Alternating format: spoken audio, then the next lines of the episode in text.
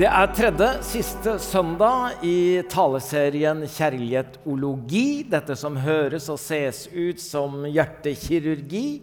Og det er vel kanskje akkurat det det er. Eh, dette merkelige, nyskapte ordet kjærlighetologi, som slutter på logi, som betyr læren om. Og siden vi prøver å løfte fram noen perspektiver på hva Bibelen sier om kjærlighet, så syns vi at det var fint å kalle det kjærlighetologi. På norsk har vi jo bare ett ord som skal dekke et stort felt av kjærlighet. Jeg elsker kona, jeg elsker pizza. Samme ord, veldig forskjellige virkeligheter. Grekerne var mer oppfinnsomme og hadde ulike ord og begreper for ulike former for kjærlighet. Og vi har tatt for oss de tre ordene filos, den medmenneskelige kjærligheten, eros, den seksuelle kjærligheten, og agape, den guddommelige kjærligheten. Eh, og så ligger alle disse podkastene etter hvert ute, og jeg tror at du vil ha glede av å høre det i sammenheng eller i helhet, sånn at du får med deg alle tre perspektivene gjennom disse tre søndagene. Så vet jeg jo veldig godt at uh, selv om jeg taler om kjærlighet, så skaper ikke det gode følelser hos alle. For det er sant at uten kjærligheten dør vi, men det er også sant at kjærligheten tar livet av oss.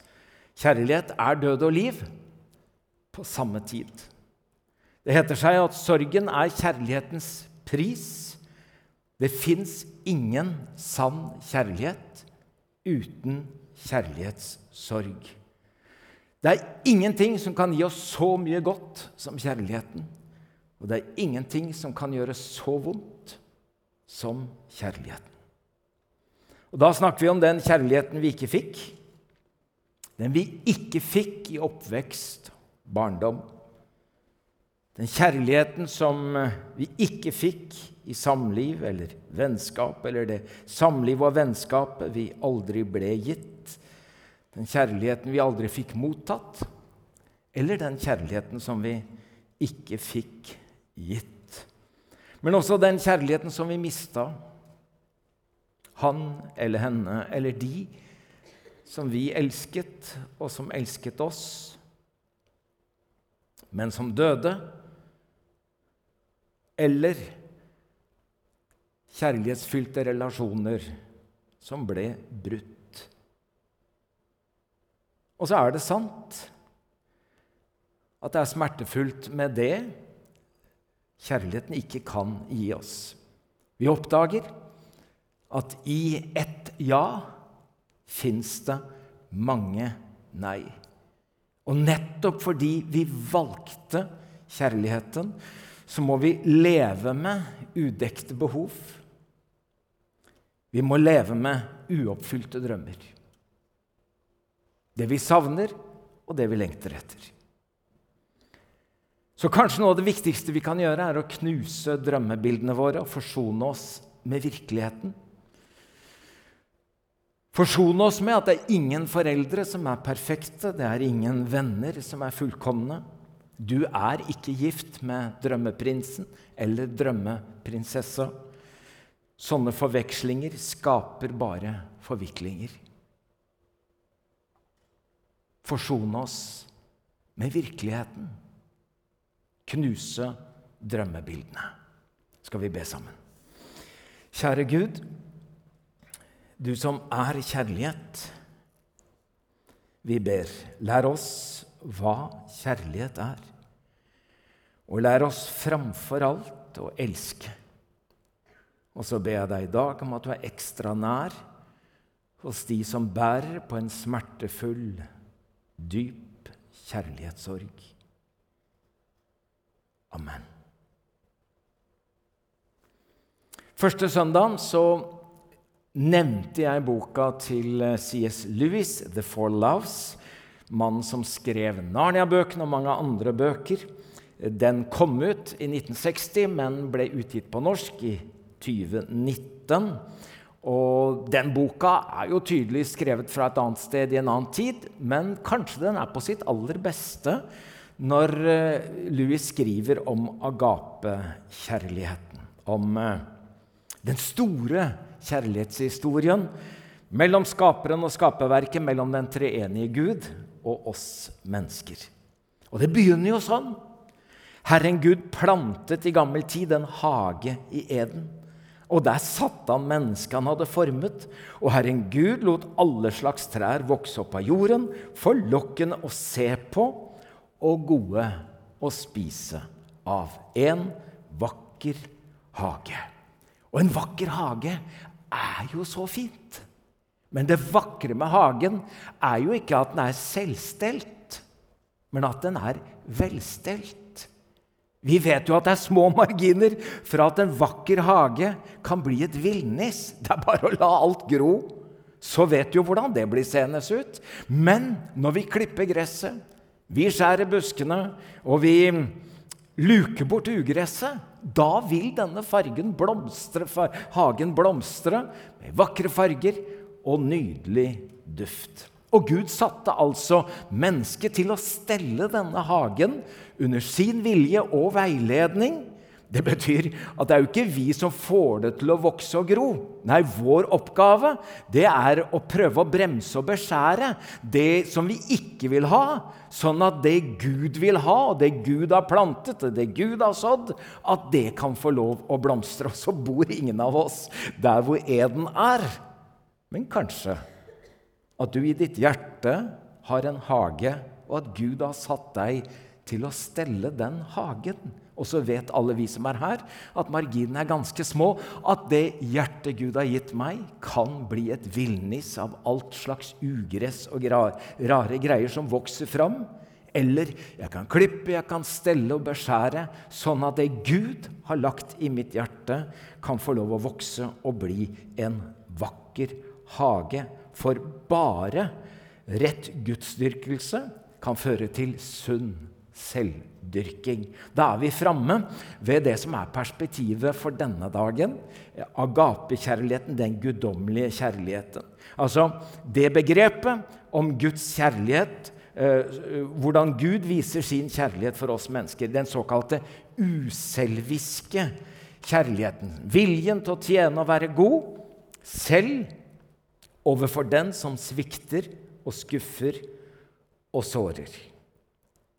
Det er denne formen for kjærlighet som er uavhengig av ytre omstendigheter, og som derfor elsker under alle forhold. Den kjærligheten kan jeg aldri begripe eller gripe fullt ut, men jeg kan la meg gripe av den og så kan jeg strekke meg etter den. Og Jeg tror det er noe av det apostelen skriver, den kjærlighetens apostel Johannes, som skriver i 1. Johannes brev, det fjerde kapittel, fra vers 7. Gjerne lese sammen med meg hvis du vil. Det gjør ikke noe om du skarrer. Mine kjære, la oss elske hverandre. For kjærligheten er fra Gud, og hver den som elsker, er født av Gud og kjenner Gud. Den som ikke elsker, har aldri kjent Gud, for Gud er kjærlighet. Og ved dette ble Guds kjærlighet åpenbart blant oss, at Gud sendte sin enbårne sønn til verden for at vi skulle leve ved ham. Ja, dette er kjærligheten. Ikke at vi har elsket Gud, men at Han har elsket oss og sendt sin sønn til soning for våre synder. Mine kjære, har Gud elsket oss slik, da skylder også vi å elske hverandre.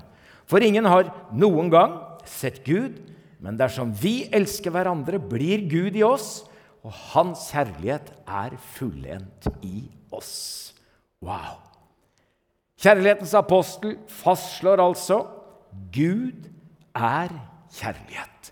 For noen tiår siden var det ingen selvfølge. Vi har vokst opp mange i et land hvor gudsbildet først har fremst vært at Gud er dømmende og straffende, altså et skremmende gudsbilde. Men dette bildet av en Gud som elsker, får større rom og får større plass i, også i vårt samfunn og hos våre folk. At Gud elsker, det tar nesten folk som en selvfølge. Kanskje stå stor selvfølge at vi står i fare for å frikoble eller løsrive kjærligheten fra Gud. Altså snu det rundt, vende på det, sånn at vi uten nesten å merke det plutselig sitter igjen med en sannhet om at kjærlighet er Gud. Altså, det høres jo til forveksling helt likt ut, men det er himmelvid forskjell. For nå elsker jeg ikke Gud, men jeg elsker kjærligheten. Jeg tilber ikke Gud, men jeg dyrker kjærligheten og gjort kjærligheten til Gud. Det kommer jo en skriftlærd fariser til Jesus og spør hva er kortversjonen? Hva, eh, hva er det første og største budet i loven? Og da sier Jesus, du skal elske. Du skal elske Herren din Gud av hele ditt hjerte og av hele din sjel og av all din forstand. Dette er det største og første budet. Men det andre er like stort. Du skal elske din neste som deg selv. Og på disse to budene hviler loven og profetene. Først, størst, elske Gud. Så elske de neste som deg selv. Men hva skjer når vi ikke elsker Gud først? Hva skjer med kjærligheten når den ikke har kjærligheten til Gud som sitt første og største bud? Kan kjærligheten bli en avgud? Det er noe vakkert over disse to. Den ene er meg, og den andre er kjæresten, og det er kjæresten til venstre. Det bør sies. Hun 14, jeg 15. Vi har vært kjærester noen uker eller måneder. Hun ser alvorlig på meg, og så sier hun, 'Egil, har du tenkt å leve for Jesus?' Det er et heftig spørsmål å få fra en ung tenåring. Så sier hun, 'Egil, har du tenkt å leve for Jesus?' For det har jeg.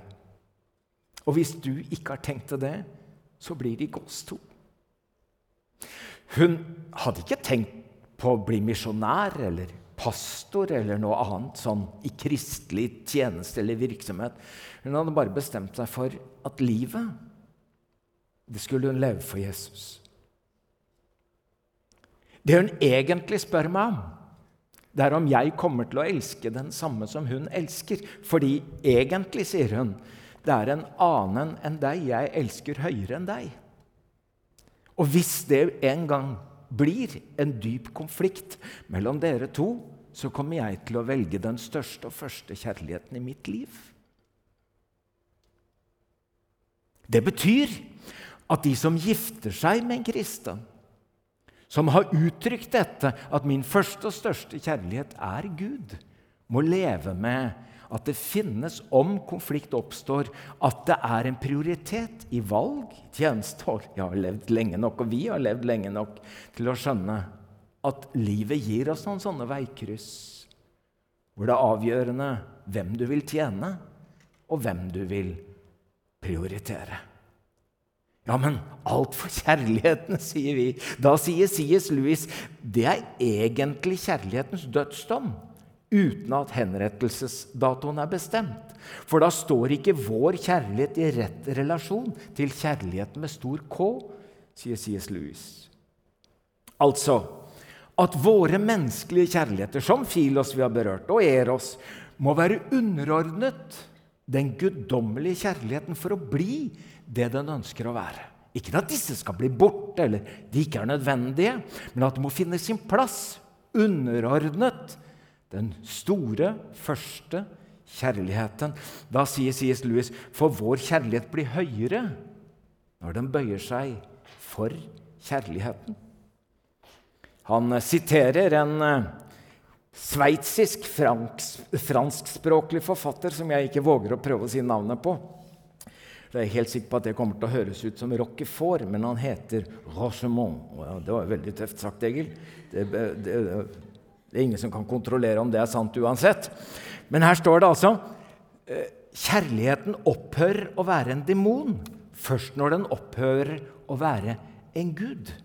Eller å snu på det kjærligheten blir en demon i det øyeblikk den blir en gud.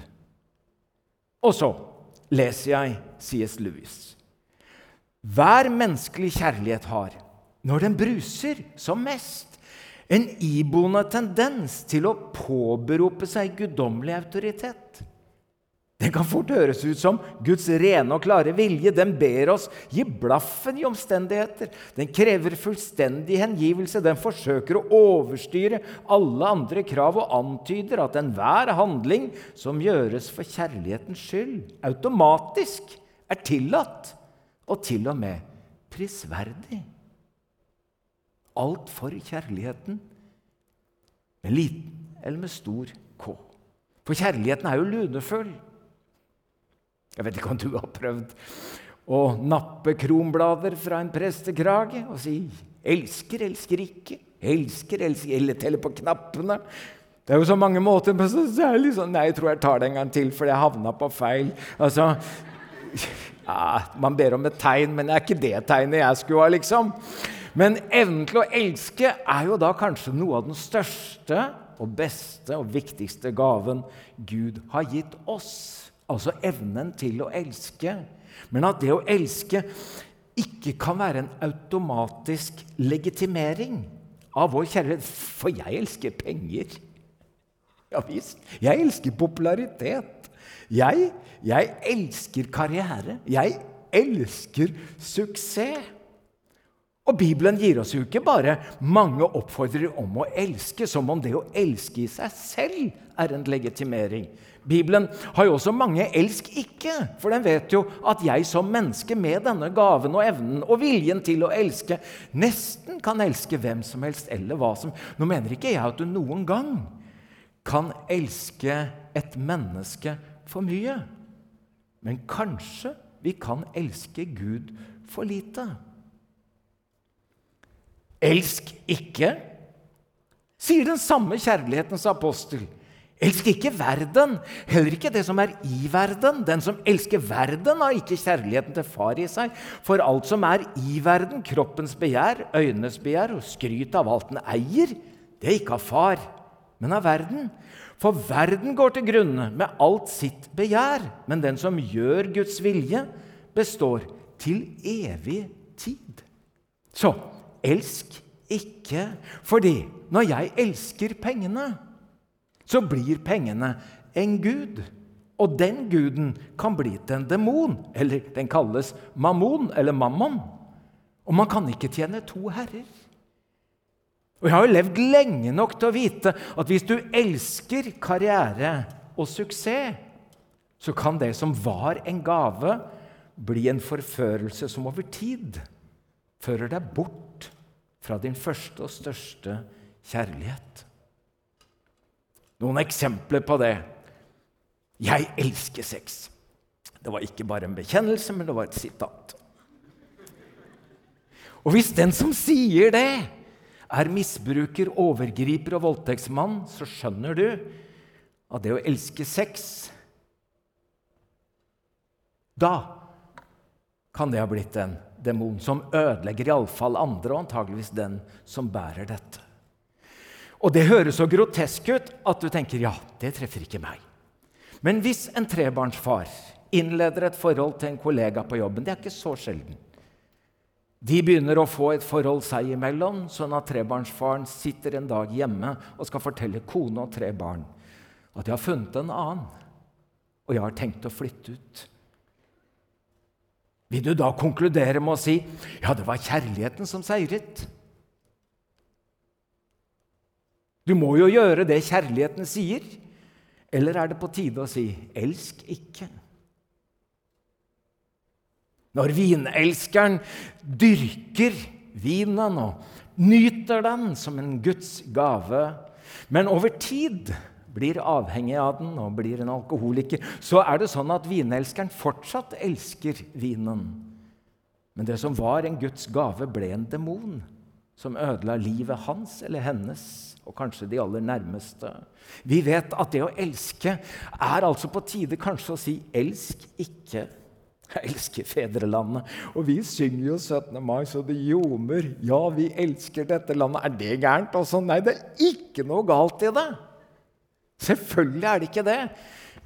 Men når den overdrevne patriotismen fører til nasjonalisme og igjen rasisme, så skjønner vi at det som er en gave, kan bli en demon. Hvis ikke det er underordnet. Altså elsk ikke. Jeg elsker naturen. Til å se, kjenne, føle. Ja, er det noe galt? Nei, selvfølgelig er det noe Det er jo Guds skaperverk. Men hvis jeg begynner å tilbe solen og følge stjernetegnene og be til moder jord, så har jeg jo ikke bare fått en gave, men eh, jeg har fått en ny religion. Og det er akkurat det apostelen Paulus tar et oppgjør med i første kapittel i Rombrevet, hvor han sier de byttet ut den uforgjengelige Guds herlighet med bilder av forgjengelige mennesker, fugler, firbeinte dyr og krypdyr. Overskriften over hele det avsnittet er 'Guds dom over hedenskapet'. Så vi må altså stelle hjertets hage Klippe, beskjære, luke, sånn at ikke det vokser opp til et villnis. Elsk, elsk ikke. Så vi må spørre stadig vekk ja, hva slags kjærlighet er det snakk om? Og det er det vi har prøvd å løfte opp litt sånn for hverandre og hjelpe hverandre til. Det, du vil jo naturlig nok finne det som er begrunnet kjærlighet. Ja, jeg elsker deg fordi altså, Det er nesten som å høre sin egen bryllupstale om igjen. I love you because Det er jo så vakkert. Jeg elsker deg fordi du er jo så pen, du er så snill, du er så sexy, du er så flink, du er så flott. Du gjør så mye for meg, du får meg til å føle meg. Å, tusen takk! Men hva skjer når den du er glad i, ikke leverer? Når hun eller han ikke lenger er like ung og sterk og frisk og pen og sexy og flott. Når det kommer noen andre som overgår disse kvalitetene. og Du treffer noen som er flinkere og penere og smartere og rikere og friskere og gir deg mer oppmerksomhet og til og med er litt mer sexy i tillegg. Gammel kjærlighet syns jeg blir vakrere og vakrere. Alderdommen setter tegn. Til og med sykdommen kommer. Og du spør har du virkelig noen grunn til å elske han nå. Men det viste seg at over tid ble kjærligheten dypere enn begrunnet. Du kan selvfølgelig møte betinget kjærlighet. 'Jeg elsker deg hvis'. Og vi lærer det allerede som små. 'Pappa blir så glad i deg hvis du gjør det eller det.' 'Og hvis du ikke gjør det, så blir mamma så utrolig skuffa på deg.' Men hvis du elsker meg, sier vi til kjæresten vår eller ektefellen vår Hvis du tilfredsstiller meg, og hvis du stiller opp for meg og sørger for meg og gir meg det, gi meg det Da er jo da Bjørn Eidsvåg skriver sangen. Hvis jeg ber på mine knær, og hvis jeg lover deg solskinn og strålende vær, hvis jeg gir deg alt du vil ha, vil du da bli glad? Vil du da bli glad? Hvis jeg lover å være snill, hvis du alltid får lov til å gjøre som du vil, hvis jeg gir deg alt du vil ha, vil det da bli bra?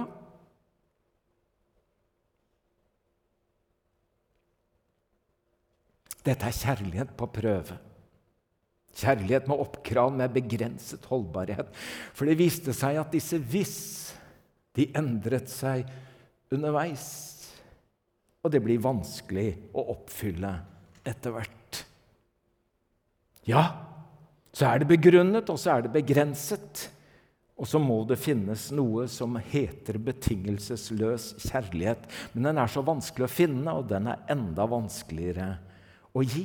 Det er den kjærligheten som sier 'Jeg elsker'. Jeg elsker deg. Punktum.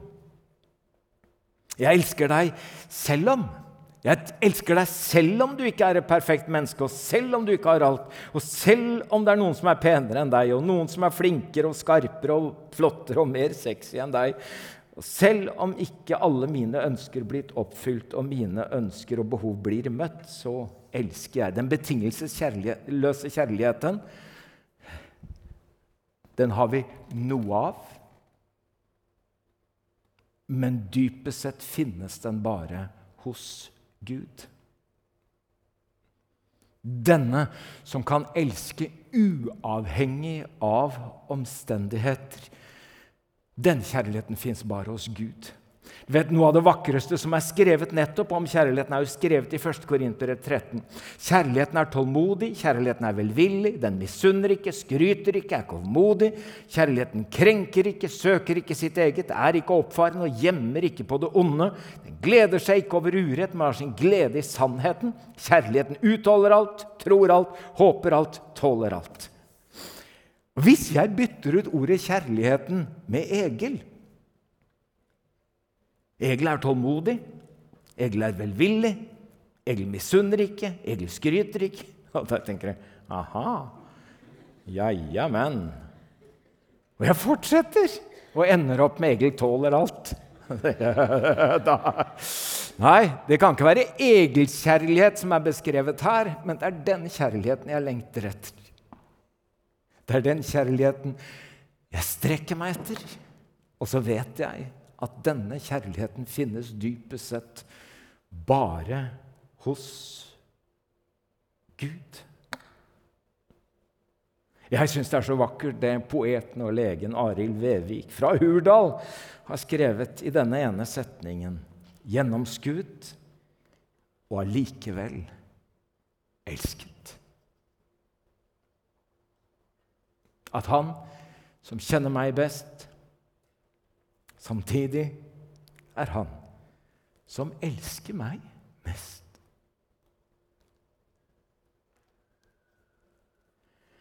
Denne betingelsesløse kjærligheten har et navn. Det er ikke en energi som svever i atmosfæren.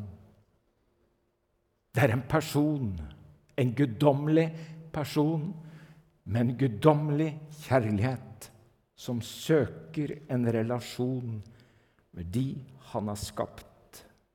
Det er derfor det står 'Gud er kjærlighet', og så står det 'Vi elsker' fordi Han har elsket oss først. Du kan ikke bruke mitt navn for kjærligheten. Du kan bruke Guds navn for kjærlighet. Jeg syns det er vakkert det Duke Ellington sier. Is God three letters word for love? Is love four letters word for God? Kan det egentlig være sånn at begge deler uttrykker hvem Gud er? Ja, det funker. Gud er tålmodig. Gud søker ikke sitt eget. Gud gjemmer ikke på det onde. Gud utholder alt. Gud tåler alt. Den guddommelige kjærligheten, det er Gud. Denne kjærligheten har allikevel fått et ansikt. For det er klart at her kan vi gjette, her kan vi tolke, her kan vi lese, her kan vi fantasere. Og så blir det karikaturer, og så blir det mye rare greier, fordi sånn og sånn er Gud, og sånn og sånn er Gud. Og for at ingen lenger skal ta feil, så får Gud kropp, og Gud med hud viser oss hvordan kjærligheten er. Det er vakkert, folkens. Nå ser vi det.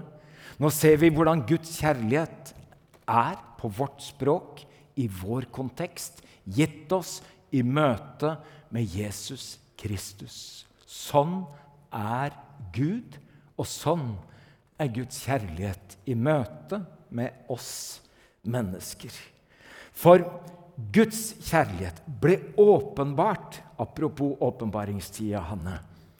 Den ble jo vist, den ble avslørt, avdekket. Den ble tydelig, den ble synlig, den ble merkbar. Vi kan se Guds kjærlighet åpenbart i Jesus Kristus. Alt det Jesus gjorde, gjorde han av kjærlighet. Han viste oss hva Guds kjærlighet er. Når vi ser at Jesus dør på kors, og vet at han har makt, ikke bare til å komme ned av korset, men å ta alle som har torturert han og korsfestet han. Og du står der ved korset, så tenker du og jeg Det fins ingen grense hva du er villig til å gjøre for oss. Det er det han har sagt til disiplene sine rett før de arresterer og torturerer han og korsfester han. Ingen har større kjærlighet enn den som gir livet sitt for vennene. Den guddommelige kjærligheten viser seg i selvoppofrelsen. Det er den kjærlighet som gir uten krav om å få. Unnskyld, jeg blir litt smågrepet. Og at denne kjærligheten ikke bare svever rundt, men har fått et ansikt i Jesus Kristus, og det igjen har fått en adresse. Hver gang vi klikker oss inn for å finne ut en adresse på GPS-en, eh, så er det første liksom du skal avklare eh, hvor er du hen? Hva er din posisjon? For skal du finne rett vei til et sted, så må du først avdekke hvor er utgangspunktet. Hvor er du? Og Det er jo fantastisk at dette ikke begynner et annet sted, men at møtet med Gud, det er der du er, og det er slik du er. Halleluja.